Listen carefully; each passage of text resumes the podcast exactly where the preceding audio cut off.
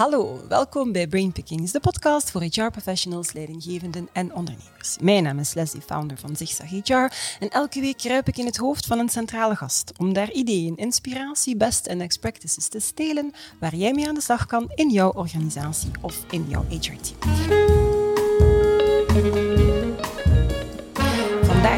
In het hoofd van Stefan Arijn, VP People bij de Scale op Silverfin.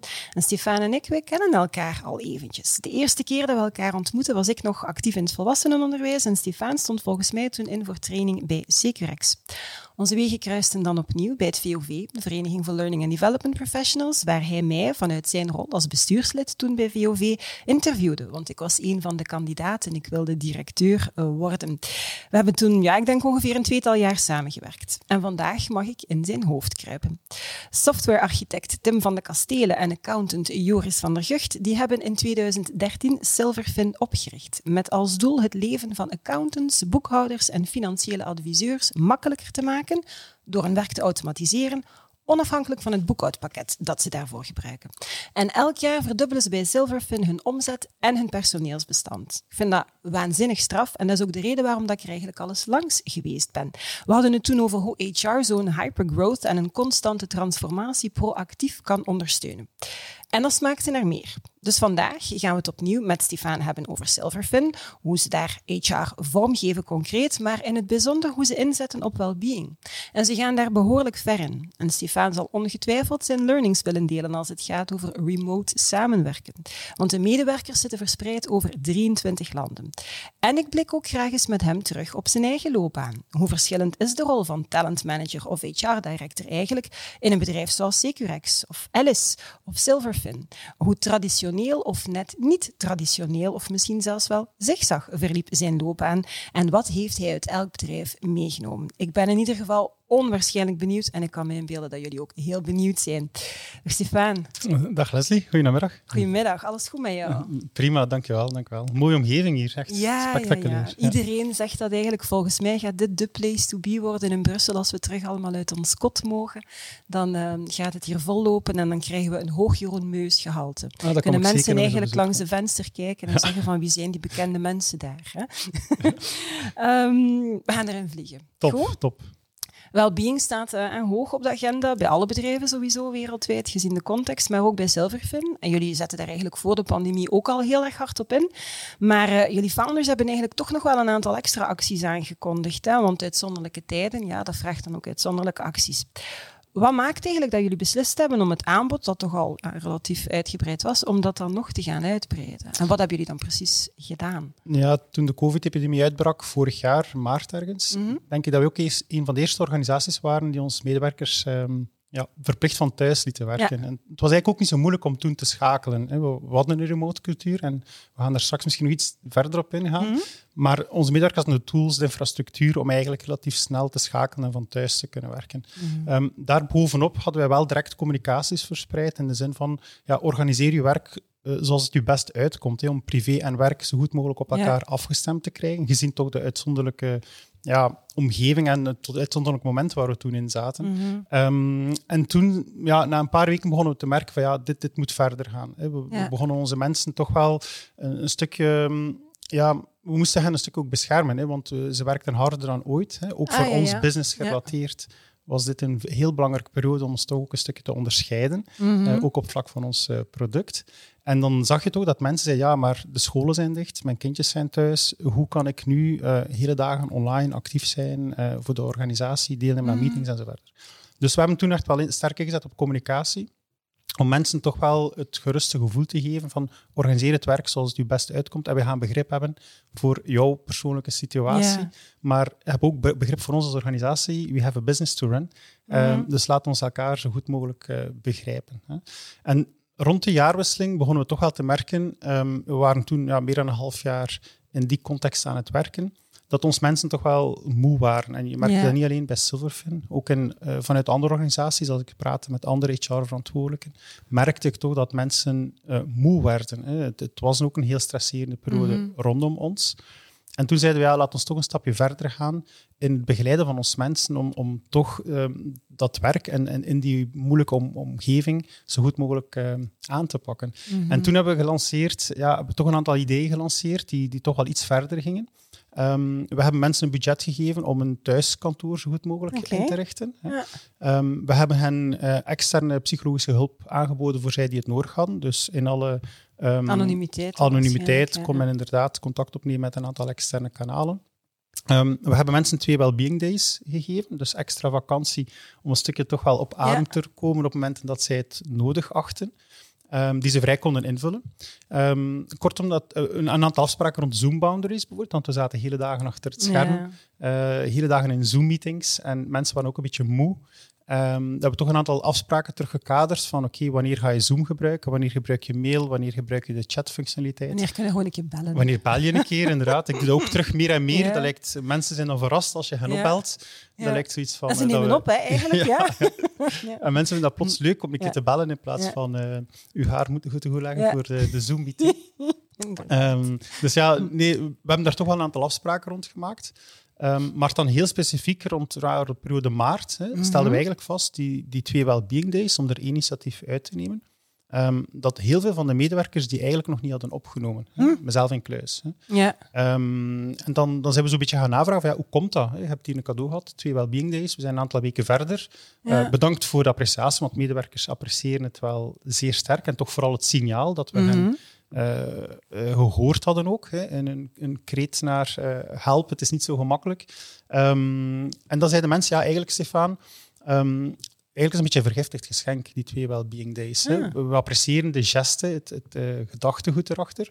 Maar als ik eh, in het midden van de week een, een dag extra verlof opneem, terwijl de trein blijft ve- verder denderen, dan eh, zorgt dat toch ook wel voor wat, wat stress. Het moment dat ik de dag ervoor mijn pc moet dichtklappen. Maar ook de dag nadien heb ik een dubbel zo volle mailbox, heb ik verslagen in te halen, heb ik bepaalde meetings niet kunnen meevolgen. Dus het is eigenlijk helemaal geen hulp. Nee, en op dat moment Mm. zeg je van, oké, wat initieel bedoeld was al een heel mooi signaal naar onze medewerkers, stelden we toch vast dat sommigen zeiden, ja, eigenlijk, we nemen het niet op, want ehm, ja, het is een beetje, het, het komt heel slecht, want de trein blijft verder Ja. denderen. Hè. Ja. En ik heb dan het geluk inderdaad dat we twee co-founders hebben die, die ja, het, het, het well-being aspect van onze medewerkers heel hoog in het vaandel Mhm. dragen en die dan samen met ons beginnen nadenken, zeggen, wat, wat kunnen we nu meer gaan doen? Dat willen we natuurlijk niet. Hè. We willen mensen echt wel de ademruimte geven of af en toe een keer volledig te kunnen loskoppelen van het werk, omdat we ook het belang daarvan wel inschatten. Mhm. Maar zomaar met verlof gooien was eigenlijk een makkelijke maatregel om als organisatie of als HR te nemen. Mhm. Zeker Maar- een type bedrijf dat jullie inderdaad zijn ook. Hè? Ja, absoluut. Er is geen productielijn dat Ja. stilvalt of we hebben geen winkel die we moeten sluiten. Dus in feite is dat een vrij makkelijke maatregel om te treffen. Mhm. Je zegt van oké, iedereen twee dagen verlof bij op de teller en aan de, en aan de manager zeg je ja, organiseer jullie maar eh, in afspraak met de medewerkers wie wanneer verlof kan nemen. Dus je verlegt eigenlijk een beetje de druk naar de desbetreffende managers en de desbetreffende teams. Hè. Dus um, en zeiden we, ja, nee, dat gaan we niet opnieuw gaan doen. Hè. Het is te gemakkelijk om te zeggen, van, vanaf nu krijgt iedereen twee dagen verlof per maand Mhm. bij, of en zo verder. En een soort van opbod te vervallen van eh, hoe ver gaan we hierin. Maar toen zeiden we eigenlijk van, ja, weet je wat we eigenlijk willen bereiken, is zo'n beetje het ma paasmaandaggevoel. Of het gevoel als er, er komen er toch op binnenkort een aantal feestdagen en ja, ja, verlengde ja. aan. De meimaand is aan Ja. juni zijn, ja, klopt. En het is eigenlijk een beetje dat gevoel dat we onze medewerkers wouden geven, want dan valt alles stil Mhm. rondom jou. Ehm, niemand is aan het werk. De En trein staat stil. de trein staat stil, ja. Ja. En dat is dan echt een, een verlofdag natuurlijk. Hè. Ja. Dat is, eh, dat is een, een moment dat iedereen eh, loskoppelt. En het is een beetje dat gevoel dat we onze mensen wilden geven. En vandaar dat we gezegd hebben, ja, we lanceren het idee om onze mensen één keer per maand een verlengd weekend te schenken. Hè. En Dat is dan de derde vrijdag van de maand geworden. Eh, ook wel een beetje rekening houden met wat zijn de drukke en de minder drukke Ja, periodes in onze business. Mhm. Ehm, met een minimum support naar onze klanten toe. Dus er zijn wel een aantal mensen die werken, maar dat zijn er Ja. niet meer dan tien. Zodanig onze klanten, als er echt een urgentie is, toch wel geholpen worden. Ja, ook heel Ehm, belangrijk. Nee. Dus wij hebben HR ook, hè, we hebben een, Mhm. beurtrol waarop er toch telkens minstens één iemand van het team van twaalf aanwezig is. Ik ook. Hè. Ik ga ook ehm eh, een van de komende weken ehm, meedraaien als de rest. ehm, geniet van zijn extra verlengde Ja. weekend. En dat merken we, dat is echt het juiste initiatief Ja. geweest. Hè. We hebben er nu twee achter de rug, wel, vrije weekends, Oké. okay. well-being weekends. En dat merk je echt wel, dat dat, dat echt wel het juiste signaal en het juiste instrument was naar onze medewerkers toe. Ja. Dus dat, dat toont dat als je luistert En je probeert inderdaad, als je luistert naar wat, wat medewerkers, hoe dat ze daarmee omgaan, en je stuurt bij dat je uiteindelijk toch wel tot de juiste oplossing komt. Want je zou die ook kunnen zeggen van, ja zeg, kijk wat wij doen, en ze nemen het niet. En ben voert dat dan? Ja. Even hoe zou je zo kunnen redeneren? Hè? Twee keer eigenlijk. Hè? Want in december hebben we een engagement survey gelanceerd voor onze mensen. Omdat we echt wel wilden weten, laat ons eens meten um, hoe het gesteld is met het welbevinden van onze medewerkers. Met het mhm. well-being aspect, met engagement en zo verder. Dus we hadden een vrij grote uh, engagement questionnaire losgelaten op onze medewerkers met meer dan 40 vragen. Wow. En we waren eigenlijk verbaasd. Eén, de responsgraad lag bij dit 90 procent. Zonder echt te moeten doorduwen hadden we een heel hoge responsgraad. En bovenal ook heel veel kwalitatieve commentaren ingevuld door onze mensen. En daaruit bleek echt, eh, als ik daarnet zei van onze mensen hadden het moeilijk, dat bleek echt uit die enquête in december. Mhm. Daar kregen we echt zwart op wit bevestigd wat we al een tijdje dachten. Van ja, mensen hebben het echt moeilijk. Op dat moment zaten we in de tweede lockdown. Dat was toch wel een beetje anders dan die eerste lockdown. Hè, waar iedereen het was een beetje spannend en nieuw. Ja, het is maar voor even en tegen de zomer en zo verder. Maar die tweede lockdown was toch wel moeilijker. Hè. Het was ook donkerder weer, de herfstmaanden, wintermaanden. En daar hebben we gezegd, ja, we moeten iets gaan doen. Hè. En dan zijn die well-being days gekomen. Maar daar hebben we inderdaad een tweede keer geluisterd. Dat we toch zagen van, ja, het is niet het meest ideale instrument. Mm. Hè. En het gaat natuurlijk wel verder dan die well-being days. We focussen daar nu op. Um, maar het was ook veel meer dan, dan dat. Hè. Um, uh, die, die Zoom Boundaries bijvoorbeeld waren ook andere initiatieven die toch wel ook uh, gedragen werden. Alright, mooi. Zeggen, zijn er zo nog plannen naar de nabije toekomst? Hebben we nu al concrete ideeën die je, waar dat je gaat mee experimenteren? Of, of uh, stelt zich dat nog niet noodzakelijk? Ik krijg die vraag dikwijls. Hè. Mm. Stefan, die verlengde weekend, we hebben, we hebben van in het begin beslist dat is tot eind van het jaar. Hè. Niet, van, niet koppelen aan wanneer kunnen we terug naar kantoor enzovoort. Nee, het is een zware periode voor iedereen. Dat gaat ook nog even duren. Um, we doen dat meteen tot eind 2021. En iedereen vraagt dan, ja, wat 2022? Wat gaat er dan? hè? Dus um, het gevaar bestaat dat we medewerkers gaan, misschien sommigen gaan ontgoochelen, die daarop rekenen dat er mm één keer per maand een verlengd weekend op de agenda komt te staan. Um, maar dat weten we. Ik weet, kan echt niet, nog niet zeggen. Um, het is nog een beetje te vroeg om te gaan zien of we dit mhm. al dan niet gaan verder trekken volgend jaar. Uh, dan wel of een ander initiatief nodig is. Dat, kan ik echt nu nog niet zeggen. Waarschijnlijk maar, gewoon weer luisteren. Luisteren, ja, vinger aan de pols houden. Want die engagement service die doen we nu op kwartaalbasis. Dat, niet telkens een uitgebreide vragenlijst, een, een heel korte dan, met mhm. een zeven, achttal vragen. En daar houden we toch wel vingers aan de pols. Ook als ik op zie, opnieuw zie, ik heb, ik heb het gisteren nog gezien, uh, wat opnieuw meer dan 700 kwalitatieve comments ingevuld door onze medewerkers op die questionnaire. Ook al waren er maar zeven um, vragen. Ook al is er geen verplichting om kwalitatieve comment in te vullen, hadden we toch wel meer dan 700. Uh, ja, inderdaad. En ik hoop wel dat we die dialoog met onze medewerkers krijgen, waar ze in het begin een beetje sceptisch stonden, denk ik. Van ja, opnieuw een vragenlijst en wat gaan ze daarmee doen en zo verder. Mm. Hoop ik toch dat ze zien dat we daar rekening mee houden met de resultaten en dat we toch wel ons beleid proberen een stukje af te stemmen daarop. Ja, mooi, knap. Um, jullie headquarters, ja, jullie zitten in, Gent, maar jullie hebben ook kantoren in Amsterdam, in Londen. Medewerkers zitten verspreid over 23 landen. Um, ja, dan denk ik, hebben jullie toch wel behoorlijk wat expertise als het gaat over remote samenwerken, remote leiding geven. Ja, dat zijn wel zaken waar heel veel bedrijven en leidinggevenden zich vandaag ja, heel veel zorgen over maken, of zelfs het tandenstuk hè, opbijten. Hoe zorgen jullie er dan voor om, om die connectie te, te behouden? Heb je daar best of, of next practices? beyond, los van, van, van COVID, hè, maar gewoon je hebt daar een bepaalde expertise in. Wat kan je daar delen? Ja, dat was ook de reden waarom we zo snel konden schakelen met de eerste lockdown, omdat we die ervaring hadden met die remote werkers. Ehm, en vandaag rekenen we eigenlijk dat we mensen hebben in tijdzones plus of min vier uur eh, van onze tijdzone. dat maakt dat we medewerkers in Oekraïne, Rusland, Turkije, maar ook Tanzania bijvoorbeeld hebben, dat in een mm. vrij gelijkaardige tijdzone als ons valt, of Egypte en zo verder. Ehm, en dat maakt het werken wel praktisch nog enigszins, uh, enigszins nog vrij praktisch, mhm. omdat we ja, elkaar toch vrij makkelijk kunnen contacteren, wat er niet zo grote tijdsverschillen zijn. Hè. Dus eh, er is wel een fysieke afstand. Hè. Uh, sommige mensen werken op kantoor, anderen werken van thuis vanuit een ander land. Maar je hebt wel de tools ondertussen voorhanden om elkaar wel heel makkelijk te gaan bereiken hè, via, via een Slack of andere interactietools. Uh, is ook al een van de vorige podcasts aan bod gekomen uh, bij jou. Ik denk de podcast van Officient ging het ook even over ja, voor tools en dergelijke. Bo dus, heeft heel veel tools toen opgesomd. Hè? Ja, dus dat laat je ook toe vandaag om ja, die, die grenzen worden kleiner en kleiner of die afstanden worden kleiner en kleiner, omdat de technologie ons daar een stuk in helpt. Hè. Um, maar dat is één aspect. Hè. Je kan wel voor het operationele dagelijkse kun je heel makkelijk met elkaar in contact treden door de huidige tools die, die het in het aanbod zitten. Natuurlijk, wij vinden het als organisatie wel belangrijk om mensen regelmatig nog fysiek samen te brengen ook. Dus mhm. we blijven ook wel geloven in de kracht van een kantoor bijvoorbeeld. Hè. Ja.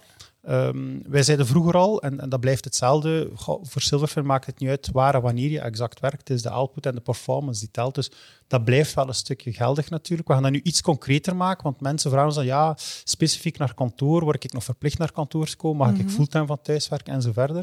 Dat we toch wel zeggen, ja, als richtlijn gaan we toch naar de drie dagen per week dat we toch wel zouden appreciëren dat mensen naar, naar kantoor komen. Ja, ja. Uh, en die twee andere dagen kan men, kan men vrij invullen. Hè. We gaan dat niet met de meetlat, we gaan dat niet echt mhm. gaan registreren, gaan Meer op basis van vertrouwen. basis van vertrouwen, maar weet dat dat ongeveer de richtlijn is. Omdat we toch wel merken, uh, in een kantooromgeving uh, werkt het nog zo makkelijk en is het nog zo aangenaam om los van het puur operationele ook met elkaar in dialoog te gaan over, over andere zaken. Hè. Um, of om samen te sporten, om ja. straks te gaan joggen, te gaan basketten, te gaan voetballen en zo verder. Om op vrijdag een pint te drinken samen. We hechten daar echt wel veel belang aan. Mhm.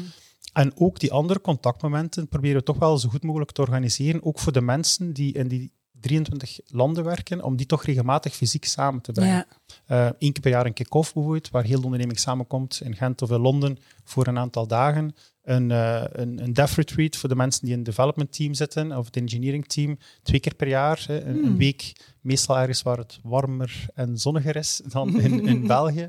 Um, we proberen company trips te organiseren. Dus we proberen heel veel initiatieven toch wel te nemen om mensen zoveel mogelijk ook fysiek bij elkaar te brengen en even los te koppelen van het dagelijks operationele. En iets meer stil te staan met, ja, we are in this together en wat willen we bereiken als organisatie? Die meaningfulness, ja. daar proberen we op die moment wel heel sterk op, op in te zetten. Met Silverfin hebben we echt als doelstelling om het professionele leven van elke accountant wereldwijd grondig te gaan veranderen. Mm Dat is een heel mooie uh, doelstelling die we onze organisatie ja. voorhouden. En medewerkers kunnen zich daar ook achter stellen. Of ze nu in finance, HR, uh, eh, whatever, werken in onze organisatie. Iedereen heeft datzelfde doel voor ogen. En het is iets makkelijker um, om daarbij stil te staan op momenten dat je mensen fysiek bij elkaar hebt. Uh, waar de, de nabijheid van onze co-founders uh, heel dicht is, hè, waar ze heel dicht aanwezig zijn, uh, om dat stukje verhaal toch nog eens extra in de verf te zetten. En ook eens te tonen van, ja, hoe staat het in onze journey? Hoe ver staan we daar vandaag van? hè? Mhm. En het is altijd wel leuk om in een snel groeiende omgeving toch wel die overview te krijgen van, ja, hoe zijn we die doelstelling aan het realiseren vandaag? Ja, oh, mooi, knap. Um, nu zeg, in hoeverre heeft COVID dan impact gehad op het, uh, op het leven en het professionele leven van de medewerkers die daarvoor ook al fully remote werken? Dus ja, ze waren dat gewoon, met bon, uiteindelijk wat ons nu allemaal overkomt, dat is uh, ongezien. Uh, hebben zij die periode dan ook als, ja, ik weet niet, meer stresserend eventueel ervaren of, of moeilijker? Dat was inderdaad frappant. Hè. We hadden dat niet verwacht, want er ging zoveel aandacht naar de mensen die plots moesten schakelen en die gewoon waren van naar kantoor te komen, mhm. bijna op dagelijkse basis, en plots van thuis moesten gaan werken voor een aantal maanden. Dat we eigenlijk aan het vergeten waren dat dat voor die mensen die gewoon waren om fulltime remote te mhm. werken ook een moeilijke periode was. Die hadden zoiets van, joh, wij zijn, wij zijn hier ook. Hè. Voor ons is het ook een moeilijke periode. En ook al verandert er voor ons niks qua werkomgeving, mm de wereld rond ons is wel aan het veranderen en er gebeurt zoveel buiten uh, ook het prof, puur professionele, dat dit voor ons ook wel een speciale periode is om, om in te werken. En inderdaad een veel stresserendere uh, periode ook voor ons. En dat was toch wel opmerkelijk, want daar leer je als organisatie toch wel uit dat je ook maar voor een deeltje impact hebt hoe mensen zich voelen en um, hoe stressvol mensen al dan niet um, ja, omgaan met het dagdagelijkse. Ja, ja, absoluut. Um, nu, uh, in het boek Sexa HR, dat ik met, met Lisbeth Clausen heb geschreven in 2018, hebben we eigenlijk toen al uh, omschreven dat de workforce veel meer zou evolueren en meer hybride, een talentpool, talent gaat samenwerken met tijdelijk talent. Maar als ik dan kijk, die evolutie die wij daar toen een beetje ja, naar voren brachten, wat in de US toen al common was, de hybride workforce, eigenlijk is dat bij jullie al een stukje de realiteit. Want één op vier medewerkers, als ik het mij goed herinner, staat niet op de payroll. Dat is echt een strategische keuze dan van jullie. Ja, en laat ons eerlijk zijn, ook een praktische. uh, als je mensen in 23 landen te werk stelt, is het natuurlijk wel veel makkelijker mhm. dat die mensen elke maand uh, factureren uh, als zelfstandigen dan dat we in elk van die landen een payroll zouden moeten gaan ja, opzetten, wat het nogal complex zou maken. Hè. Dus er is een praktische uh, betekenis achter. Maar langs de andere kant is het ook wel onze filosofie dat ons eigenlijk niet zoveel uitmaakt welk statuut een bepaalde medewerker nu mhm. specifiek heeft. Het is niet zo dat we dan mensen met een freelance of een zelfstandige contract anders gaan behandelen intern dan, dan vaste medewerkers. Hè. Mooi. Um, dus dat is wel Als we daarnet spraken over die well-being days bijvoorbeeld, mm ook mensen die freelance zijn, gaan die dagen gaan factureren dan bijvoorbeeld. Hè. Ze hebben ook een well-being day. Wauw, Ehm, ik waar- ga het veel sollicitaties krijgen. ik denk dat je veel mailtjes gaat Ja, krijgen. laat ons hopen. Ja. Ja. Nee, maar waar, waar in België natuurlijk iemand dan betaald verlof heeft, Ja. eh, die als medewerker te werk gesteld wordt. De mensen die in België of in de andere landen als freelance werken, Mhm. gaan gewoon gaan eh, factureren die dag, omdat we hen echt zoveel mogelijk als eh, equal willen beschouwen met de andere medewerkers. Dus, en die- lijn proberen we zoveel mogelijk door te trekken. En dat zijn ook Mhm. mensen die echt wel langere periode ook voor ons Ja. eh, werken. Dus voor ons maakt het niet zoveel uit welk type contract iemand al dan niet heeft, om, Mhm. om hen, hem of haar te beschouwen als, eh, ja, als volwaardige medewerker van de organisatie. We proberen echt zo weinig mogelijk onderscheid in te maken.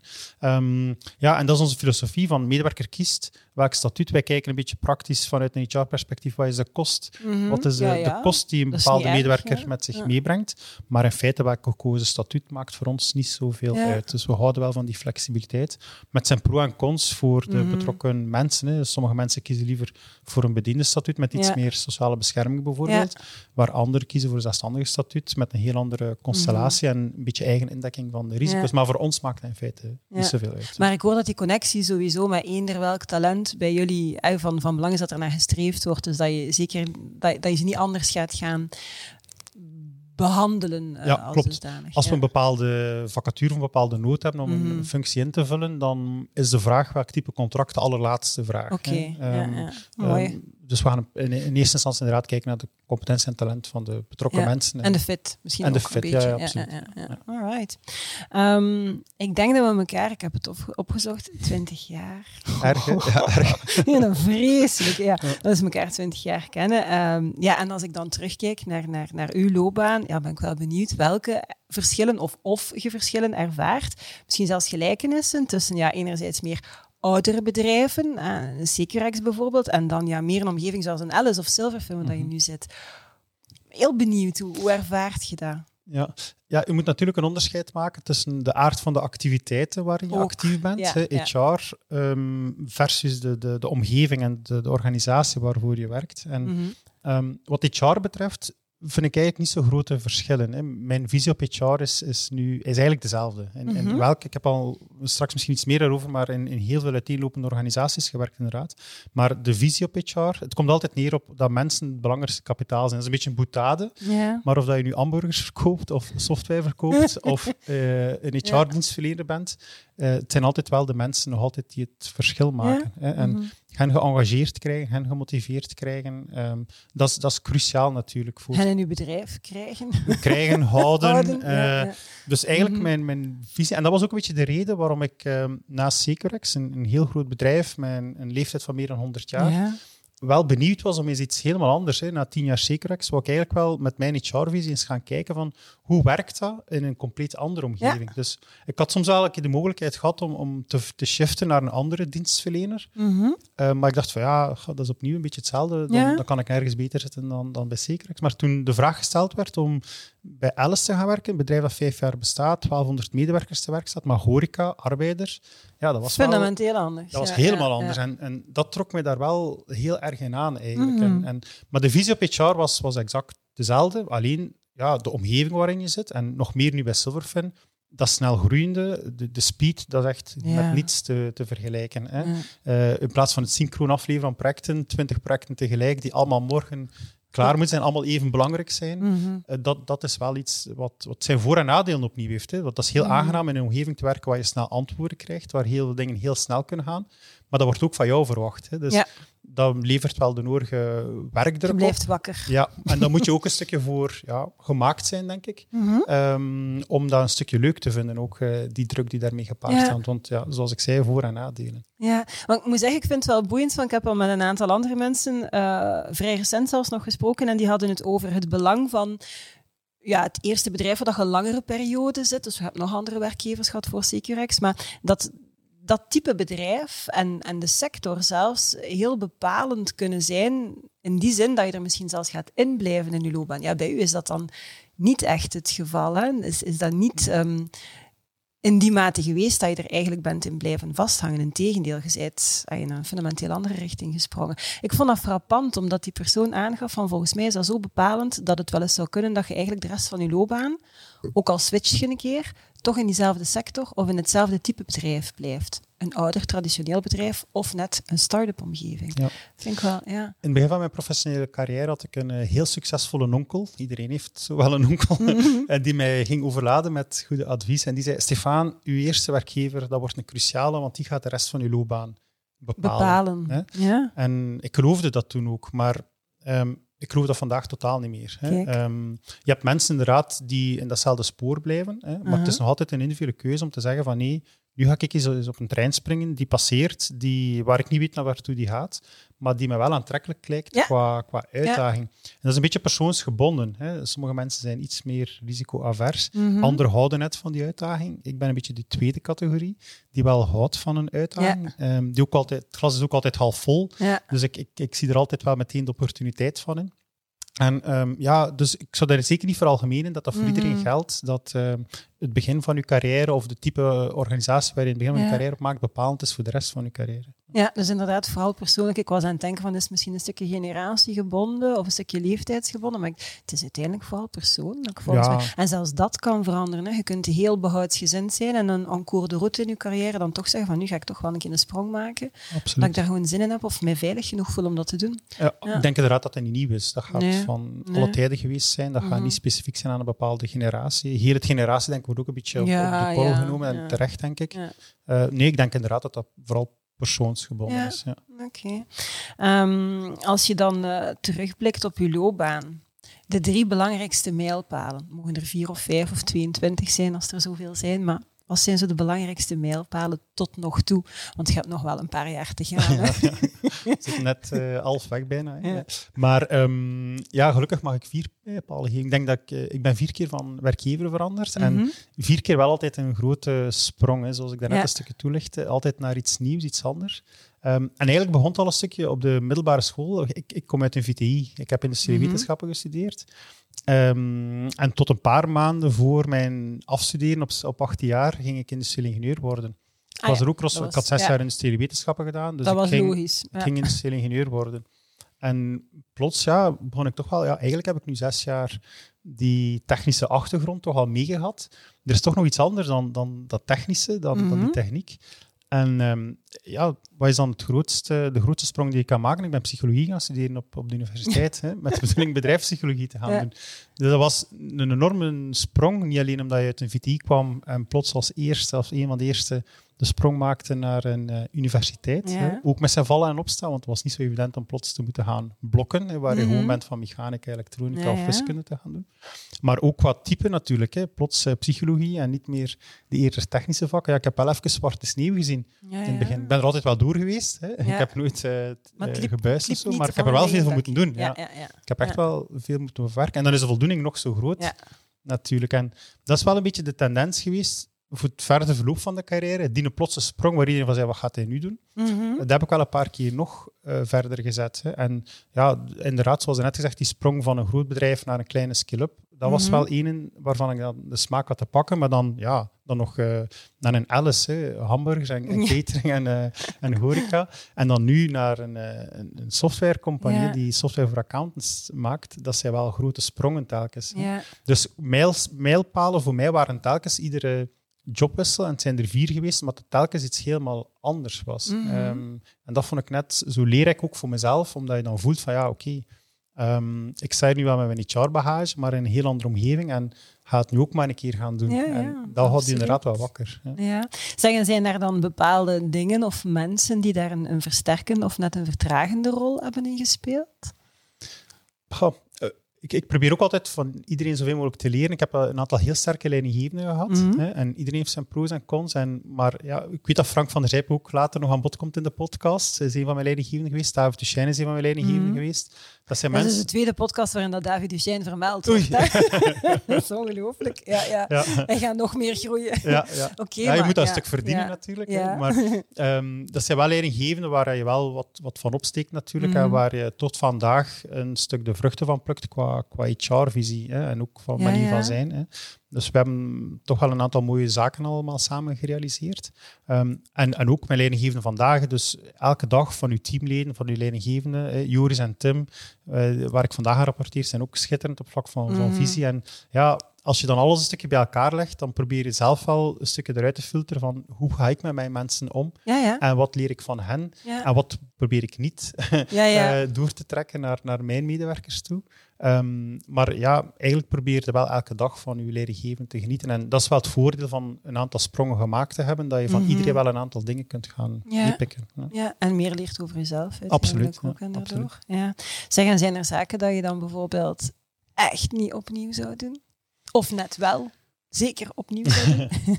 Ehm, wat ik zeker opnieuw zou doen, is regelmatig jezelf eens challengen en voor de spiegel zetten van Ja. wat ik nu doe, doe ik dat nog graag. En ehm, niet bang zijn voor een uitdaging, want Mm. uiteindelijk valt alles wel meestal op de, in de plooien. Hè. Dus eh, dat heb ik toch wel al geleerd. Hè. Dus Mhm. daar moet je niet, niet zoveel schrik van hebben. Ehm, niet nee, ik denk niet dat er zaken zijn waar, waar ik spijt van heb of die ik eh, niet meer zou Mm. doen. Om, ik zie het ook altijd, altijd als een opportuniteit. Hè. En, Ja. en ook al zijn er zogeheten problemen, ik, ik zie er meestal ook altijd wel het positieve van in. Hè.